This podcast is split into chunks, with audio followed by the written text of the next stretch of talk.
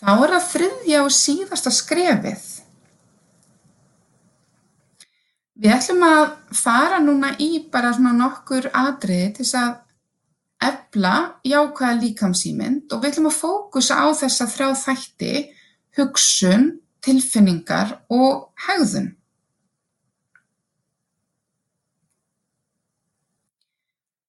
Veltu bara hans fyrir þér, hvað er það við þína líkamsýmynd sem þú vilt breyta? Núna þegar við erum búin að fara í gegnum þessa uh, þætti hér að framann, er eitthvað sérstaklega sem þú ert að tengja við? Eru einhverja ákveðna hugsanir sem þú ert að spotta hjá sjálfur eða sjálfur þér? Er einhver ákveðin hegðun sem þú tengir við eða ákveðin tilfinning? En að skoða svolítið hvaða er sem að þú vilt fókusa á.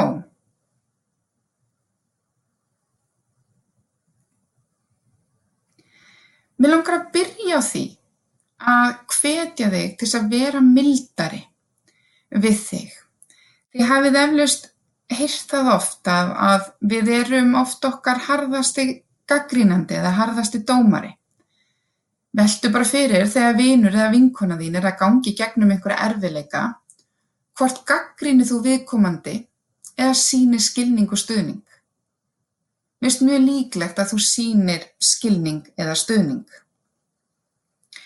En veltu fyrir, gerur það uh, við sjálfa þig? Ert þú að sína sjálfrið þér eða sjálfið þér skilning eða stuðning? Ert að sína þér samkend?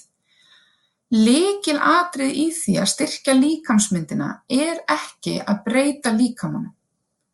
Rannsóknir hafa ítrekka sínt fram á það að það að breyta líkamannum, það að fara í einhverja uh, dramatískar aðgerði til þess að breyta líkamannum hefur ekki jákvæð áhrif á líkamsmyndina til lengri tíma litið. Mikilvægast er að breyta því hvernig þú hugsar um líkamann þinn og hvernig þú hegða þér í tengslu við hann. Og þú getur valið að byrja að hugsa rökréttara og jákvæðara um líkamann þinn. Þú getur byrjað að taka skref í rétta átt, þetta gerist ekki á einni nóttu, þetta eru skref, þetta, þú ert mögulega búin að hugsa á ákveðin máta í, í 10-20 ár um eigin líkama. Og þá tekur tíma að snúa þeirri hugsun við og byrja að hugsa öðri sig og það tekur æfingu, það, það, það, það þarf að þjálfa sig í breyttum hugsunahætti. Og breytt hugsun mun síðan að lokum hafa jákvæð áhrif á tilfinningar þínar gagnvart líkamanum. Eh, mér langar að byrja aðeins á að tala um hugsanirnar og hvernig þær uh, hafa áhrif á okkur. Mér langar að taka svona dæmi, um, ímyndaðir bara uh, ungan strák, bara tíu ára gamla strák sem langar að æfa sund. En hann þúrir ekki að mæta æfingar að þenni hrættur við viðbröð annara. Hann óttast það að aðrir gerir grín á honum þegar hann fer úr fötunum. Hann er hrættur um að öðrum finnist hann vera feitur. Hann sleppur þess vegna að mæta á æfingar og byrjar ekki að læra að synda líkt og jafnaldrar hans. Um, veltu fyrir hvað þessi strákur er að hugsa. Um, veltu fyrir hvort að þú sérð eitthvað af þessum hugsanavillum sem við fórum í áðan í þessu dæmi. Er strákurinn að hugsa í staðrindum? Veit hann hvað er að hugsa? Er hann mögulega að stunda einhvers konar hugsanalestur. Er hugsunin rökrétt? Um, mögulega. Auðvitað getur útlit okkar verið þannig að aðrir eru að skoða okkur og eru að spá í okkur. Þá er líka þetta að hugsa er hugsunin að hjálpa okkur eitthvað? Eða er ég mögulega að blása hana upp? Er ég mögulega að fókusa of mikið á þetta neikvæða Þannig það er gott að hugsa, er þessi hugsun að hjálpa þessum strák eitthvað? Eh, gæti hann æft sér í rökréttari hugsun sem væri hjálplegri? Eh, ósjálfráðar svona neikvæðar hugsanir geta haft slæm áhrif á okkur. Til dæmis bara í þessu tilviki, það að hann hugsi svona neikvætt um viðbröð annara við því að hann sé að fara úr fötunum er að hafa þau áhrif að hann mætir ekki á æfingar. Hann þjálfast ekki í sundi og hann missir af mörgum gleði stundum sem jafnaldra hans er að upplifa. Og það sem gerist líka er að hann prófar ekki, hann veit ekki hvort að það sem að hann hefur áhyggjur af munur raunverulega gerast og ef það gerist, hvort að hann ráði við það, hvort að hann ná að tækla það, hann fer ekki í aðstæðnar. Hann, hann lærir aldrei hvort að þessa hugsanir sem hann hefur, hvort að það séu bara hans hugsanir, hans skoðanir og mögulega ekki staðrindir. Uh, mögulega er þetta alls ekki hugsun sem aðrir hafa, heldur bara neikvæð hugsun sem hann hefur mótað eða myndað út frá einhverju reynslu, mögulega blöndu af reynslu og skökkum hugsanahætti. Uh, prófaðu að skoða eins þína neikvæðu hugsanir. Prófaðu til dæmis bara að skoða eins í spegli og reyndu að tjekka á hvaða er sem þú fókusar á. Hvað er það sem að þú horfir á þegar þú kíkir í speil? Er það einhver ákveðin líkamspartur sem þú fókusar á meir en annar? Eða eitthvað svæði við líkamann sem þú fókusar á? Það er nefnilega gríðarlega mikilvægt að reyna að breyta þessum fókus ef hann er neikvæður. Skrifa til dæmis niður, prófa að skrifa niður uh, þessar neikvæðu ósálráðu hugsanir sem poppa upp þegar þú ert að fókusa á eitthvað svæði eins og til dæmis vá hvað nefi mitt er skakt eða vá hvað hári mitt er flatt og ljótt eða vá mægi minn er feitur og ógeðslegur eða eitthvað slíkt. Hvað er það sem poppar upp? Veltu síðan fyrir þér hvort að þessi hugsun sem poppar upp sé staðreind eða dómur. Er þetta staðreind eða ertu búin að búa til einhver dóm í kringum hugsununa? Til dæmis er nefið þitt kannski skakt. Þannig að þú horfir í speil og þú sér skakt nef, þá er það kannski skakt og það er staðreind. En ef þú segir við sjálfa því að það sé skakt og ljótt, þá ertu hér með staðreind og dóm. Eða ef ég horfi á sjálfum í speikli og ég segi sér feit og ógeðsleg, mögulega er ég í feitari kantinum og þá er það staðreind. En það að segja ég sé ógeðsleg er dómur. Eða það að segja hári mitt sé flatt og ljótt. Mögulega er hári mitt flatt, en það er ekki endilega ljótt. Þannig að ef eitthvað af því sem kom upp í hugan þinn er dómur en ekki staðreind eins og mægi minni feitur og ljótur, reyndu þá að finna hjálplegri og jákvæðri, bara jákvæðri, staðhæfingu á móti. Til dæmis bara, mægi minn er feitur, það er staðreind, en ég get ákveðið að koma með eitthvað annað heldur en þennan dóm og æft mig í því Þannig að magi minn er feitur eða í mýkra lagi en aðrir magar en magar eru alls konar. Það sem gerist líka þegar við erum með svona neikvæðan fókus er að samanburðu verður meiri. Við berum okkur alls sama við annað fólk en veldu fyrir þér hvort þú sért að bera þess oftar sama við aðra og jafnvel að bera þess saman við aðra sem að hvað maður að segja, láta þig koma út á neikvæðri máta eh, og hvort að þú, hvort að þín hugsun í tengslu við samaburðinu sé neikvæð. Eh, til dæmis bara það, ef þú átt vinkonum sem er gríðarlega falleg og þú er kannski sífælt að bera þig sama við hana, svo að þú er vinkonu sem heitir Anna sem er gríðarlega falleg og hugsunin sem poppar upp í hugan er þá, hún Anna er svo miklu fallegri en ég. Prufaðu aftur að hugsa í staðreyndum og hugsa þessa setningu án þess að hún feli í sér dóm. Setningin ætti bara að stoppa áður en enn ég kemur. Bara Anna er falleg. Sleppa þessu enn ég. Sleppa samanburðinum. Staðrindin fær að standa ein og sér að Anna er falleg. En þú þart ekki að bera hana saman við þig. Við erum öll ólík og þú ert eflaust fallegri en einhver annar, að mati einhvers. Þannig að samanburðurinn sem þú ert að búa til er svo ótrúlega personubundin og bara huglægur. Og ef þið líður illa eftir að hafa borið þið sama við ákveðna mannesku, reyndu þá að fremsta megni að sleppa þessu en ég í lóksetningarinnar. Lefðu hugsuninni eða staðrindinni um manneskunni bara standa ein og sér sem bara lýsing á þessari mannesku. Ekki lýsing á þér. Þessi manneskja var ekki sett á þessa jörð til að vera mælistika fyrir þig. Þannig að hugsanir er ekkert endilega staðreindir í sumum tilvikum, en sumum tilvikum eru þar staðreindir en þar fela þá líka í sér dóm. Ef þú ert að upplifa mikið af neikvæðum hugsunum, veltu þá fyrir þér af hverju er ég að hugsa þetta? Er hugsunin að hjálpa mér eitthvað?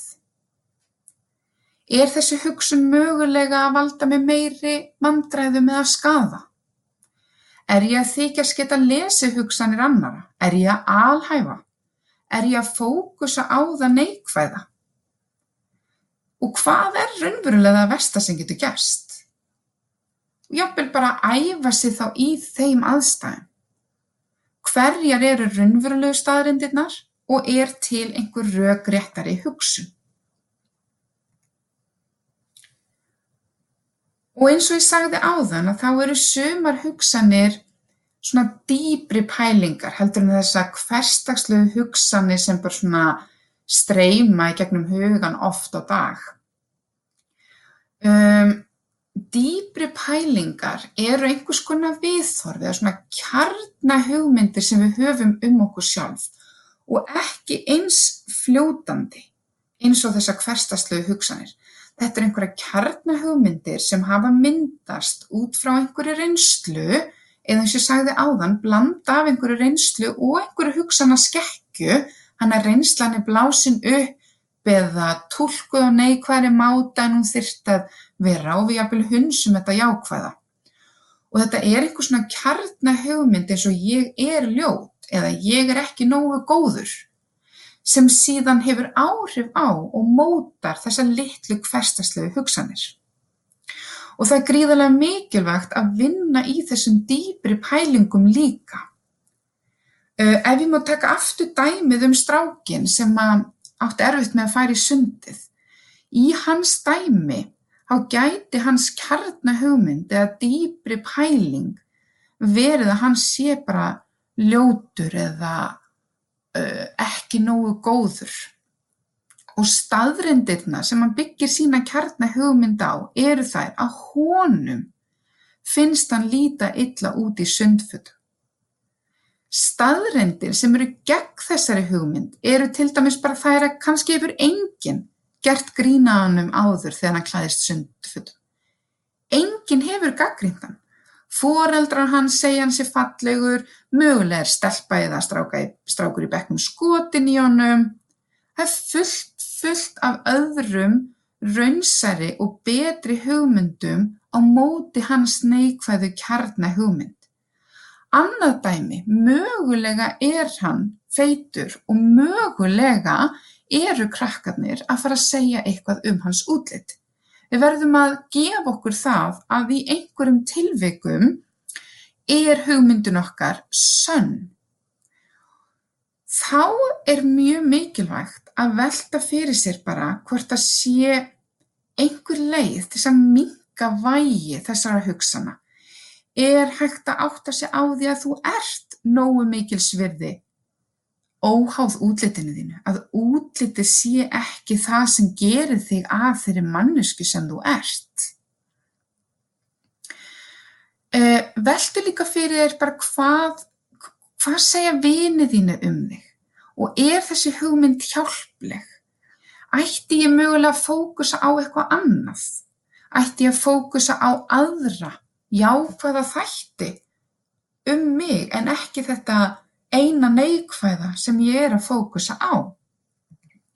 Og þegar við erum að vinna að því að mynda með okkur raunsæri og jákvæðri svona kjarnahugmynd eða djúpa pælingu um okkur sjálf, þá er uh, hægt að velta fyrir sér hvort að, uh, já, þá er þetta velta fyrir sér hvort að þessar kjarnahugmyndir sem við höfum séu mögulega að hafa neikvæð áhrif á hvernig við sjáum heiminn. Þannig ef ég er með einhverja hugmynd um mig, neikvæða hugmynd um mig, er þessi neikvæða hugmynd að hafa áhrif á hvernig ég sé heiminn? Er hún að hafa áhrif á hvernig ég tólka hluti sem er að gerast í kringum mig? Hvað fókusa ég á? Hvað tek ég eftir? Hvað man ég? Man ég eftir þessum tveimur sem horfðu á mig í búnisklefanum en ekki öllum hinum 30 sem spáðu ekkert í mér. Man ég frekar eftir einni neikværi aðtöðasend sem ég fæ uh, í einhverju partíi en ekki öllum hinum 30 sem að kannski voru bara ekkert að spá í mér eða jafnvel voru með jákvæðar aðtöðasendir. Er ég sífælt að leita staðrindum sem styðja mína neikvæðu kjarnahugmynd? Ef mér til dæmis finnst ég vera ljót eða ljótur, þá tek ég frekar eftir því þegar einhver segir eitthvað örlítið neikvætt og ég hunsa frekar öll þessi fallegu hrós. Ég mun líklegri til að bera mig saman við aðra, ég mun líklegri til að fókusa þá á fólk alveg sérstaklega sem ég finnst vera fallegri en ég, en tek ekkert eftir því að ég er mögulega fallegri en margt, margt annað fólk. Og þessi djúpa pæling eða kjarnahugmynd hefur áhrif á hvernig ég túlka það sem ég lendi í.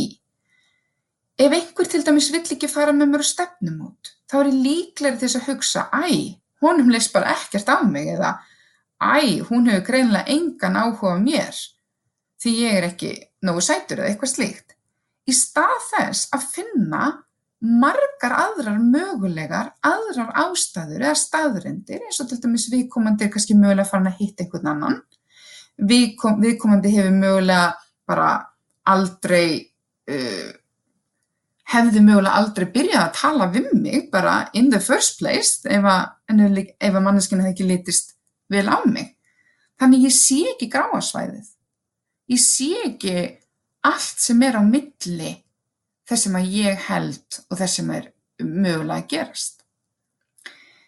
E, til þess að hjálpa þér að móta raunsæri og svona jákværi kjarnahugmynd um þig, þá langar mig að hvetja til þess að hafa eftirfærandi punkta í huga. Útlitsfyrirmyndir eru mjög oft óraunsæjar og jafnvel breyttar.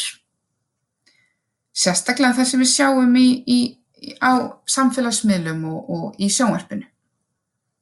Við erum ólík. Það eru engir tveir eins. Rannsóknir hafa til dæmis sínt að, ef þú lætur uh, hópa fólki borða alveg sama magnaf mat og hreyfa sér alveg mikið, þá verða líkamannir samt ólíkir. Sumir verða grannir og aðri verða feitari. Þannig við erum ólík frá náttúrunnar hendi. Og frá náttúrunnar hendi er líka eðlilegt að breytast. Allt í náttúrunni breytist, líka líkamar okkar. Útlitið er ekki vandamálið. Það er nefnilega málið. Útlitið er ekki vandamálið. Oft er það frekar neikvæða líkamsmyndin okkar eða litla sjálfströstið sem að í rauninni hefur áhrif á samskipti okkar við fólk og uh, samskipti okkar í ástarmálum og, og samskipti okkar við vinnufélagana en ekki útliti sjálft. Útliti var aldrei vandamálið heldur hvað þér finnst um útlitið þitt.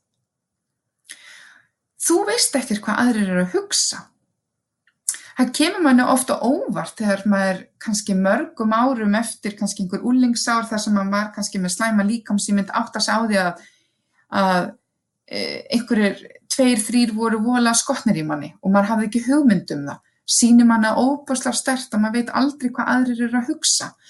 Og það kemur mann líka stundum á óvart að maður kannski heldur að einhver sé að dæma mann og svo kemur í ljós að viðkomandi var kannski bara djúft sokkin í eigin áhyggjum. Þannig þú veist aldrei hvað aðrir eru að hugsa. Þú ert svo miklu meira en útlitið þitt. Það væri algjörlega galið ef að útlitið þitt væri það eina sem var áhugavert við þig eða bara væri það áhugaverðasta við þig. Fólki sem þú umgengst og fólkinu sem þykir vænt um þig þykir ekki vænt um þig út á útlitinu þínu. Og pældu í því hvað væri leiðilegt ef að allt mannfólk liti eins út. Veltu fyrir útlit forfeðraðina, minnst þetta svolítið skemmtilegt. Um, Það er ástæða fyrir því að stóri rassinn eða mjúki mægin eða þykku upphandleggirnir hafa náð að þróast áfram með þínu fólki, með langa langamuðinni eða langa langafaðinum. Eh, þessi stóru þykki, þykku handleggir hafa mögulega komið að góðum nótum fyrir einhverjum 100-200 árum síðan og þess vegna náð að þróast áfram og náð að vera partur af þinni fjölskyldu. Uh, stór partur af þínu útliti er bara uppbyggt af þínu genamengi og þú ert að erfa útlit forfeðra og formaðra þinna af ástæðu. Þetta eru eiginleikar sem hafa hjálpað þeim að lifa af. Þannig það getur verið gaman að skoða hvernig leit langa langama þín út eða langa langafi þín út og áttu eitthvað sammeðilegt með þeim. Passaði síðan á því að vera ekki bera einhver svona hverstagslega útgafa af þér saman við vel pussað og uppstilta Instagram útgafa af öðrum. Prufaðu að skrifa niður að minnstakosti þrjá hluti sem þú hefur náð að gera eða tekist að gera í lífinu og finndu styrkleikana sem þú þarft að hafa til þess að ná að gera þessa hluti. Hvaða styrkleika þarf einstaklingur að bera til þess að ná að uh, klára mentaskóla eða uh, æfa íþróttir eða prjóna peysu og prófað að búa til svona líkamsvirðingabank einhvers konar hugmyndabanka sem þú getur leitað í þegar þú ert að upplifa slæma líkamsvirðinga daga. Prófaðu að vera með einhverja góðar fyrirmyndir á, á samfélagsmiðlum, einhver góð lög sem eru peppandi, eitthvað svona sem lætu þið líða vel þegar þú ert að upplifa slæma líkamsvirðinga daga. Loka skrefið í því að styrkja líkamsmyndina er að skoða hegðunina og velta fyrir sér hvort það sé einhver hegðun sem þú ert að framkvæma sem viðheldur mögulega þessari neikværi líkamsmynd. Ertu með eitthvað sem við köllum svona öryggishegðun sem er þessi kvíðatengta hegðun eins og fela líkamspartin sinn eða forðast hluti. Eh, við köllum þetta öryggishegðun að þetta vernd verndar þig tímabundið gegn slæmri líðan. Þetta verndar þig fyrir þessum útlitskvíða sem þú mögulegar upplifir í sundi eða í myndatöku eða á æfingu eða í partíi. Um, en eins og við höfum rætt að þá veldur þessi öryggishegðun eða neikvæða hegðun því að til lengri tíma liti þá batna líkamsmyndin ekki. Þú nærð ekki að prófa þig áfram, þú nærð ekki að sjá að það sem þú hræðist er mögulega ekki hættulegt, að það sem þú hræðist er mögulega ekki stórt og þú heldur, eða að það sem þú hræðist er mögulega eitthvað sem þú vel getur ráðið við og tæklað. Eh, þannig ég hveti til þess að augra þér aðeins, reyna að sleppa einhverju öryggishegðun, sleppa því til dæmis að kíkja svona oft í speil, eh, sleppa því að klæðast víðum peysum eða eh, að vikta þig eða mæla þig. gerðu jafnvel áætlun þar sem þú tekur þetta í svona litlum skrefum ef þetta er eitthvað sem þið finnst vera svolítið erfitt. Þá tekur þetta í svona litlum skrefum og færi því áttina því sem að þú hefur hingað til forðast að gera eins og færi sund. Þá er til dæmis bara þetta æfa sig í því að vera í sundfötum heima og svo kannski sundfötum fyrir framann foreldra eða vini og ef þú hefur aðgang að heitum potti þá er þetta að prófa að fara í heitan pott með fjölskyldunni taka þetta í þessum litlum skrefum áður en það kemur að því að fara hreinlega í sund. Svo er þetta að fara í sund kannski þegar það er lítið að gera eða þegar það er myrkur og svo er svona vinna sig jæmt og þétt í áttina því að fara í aðstæðna sem þið finnst lang mest óþægilegar. Um, ég hveti líka til þess að prófa því að bara æfa því í að fókusa á annað en útlitt. Fókusa á aðra þætti, til dæmis í þínu fari eða bara í fari annara. Við eigum það líka til að, að ef að við erum sjálfa að upplifa neikvæð líkamsýmynd þá eigum við það til að vera svolítið útlits uh, svona fókuseruð. Og þá gerum við það líka annað fólk og við verðum svolítið gaggrítni á annað fólk líka. Og að við erum það þá höldum við að þau séu það líka. Og áttum okkur kannski ekki alveg á því að Aðrir sem eru með jákvæðari líkamsímynd við eru að fókusa minna á útlit og eru þá líka að fókusa miklu minna á okkar útlit. Prófaðu að vera mildari við þig. Talaðu við þig eins og þú tala við vinið þína. Prófaðu að leita rökum á móti neikvæða hugsunum þínum Veltu fyrir þér hvort þú sért raunverulega að upplifa eitthvað af þessum hugsanaskekkjum sem við ræddum um hérna áðan. Prófa að breyta hegðunum þinni og sleppa eitthvað af þessum öryggishegðunum eins og að fela magan eða fara ekki í sund. Og eftir einandi tvær vikur skaltu skoða aftur spurningarnar sem við fórum yfir hérna upphafi og kanna hvort þú finnur fyrir einhverjum breytingum. Ef þér finnst staðan ennþá vera neikvæð, veltu þá fyrir þér hvaða þættir líkamsmyndarinnar væri hægt að vinna meira með. Er það til dæmis bara hversu mikið vægi útlitið hefur í þinni sjálfsmynd? Þarftu mögulega að finna nýjar fyrirmyndir? Þarftu mögulega að augra þér ennþá meira og prófa eitthvað nýtt? Ég vona að þetta námskeið hafi verið hjálplegt og hveti til þess að hafa bara samband við mig. Það er alltaf að senda mig tölvupost eða ef að spurningar vakna og bara gangi þér vel.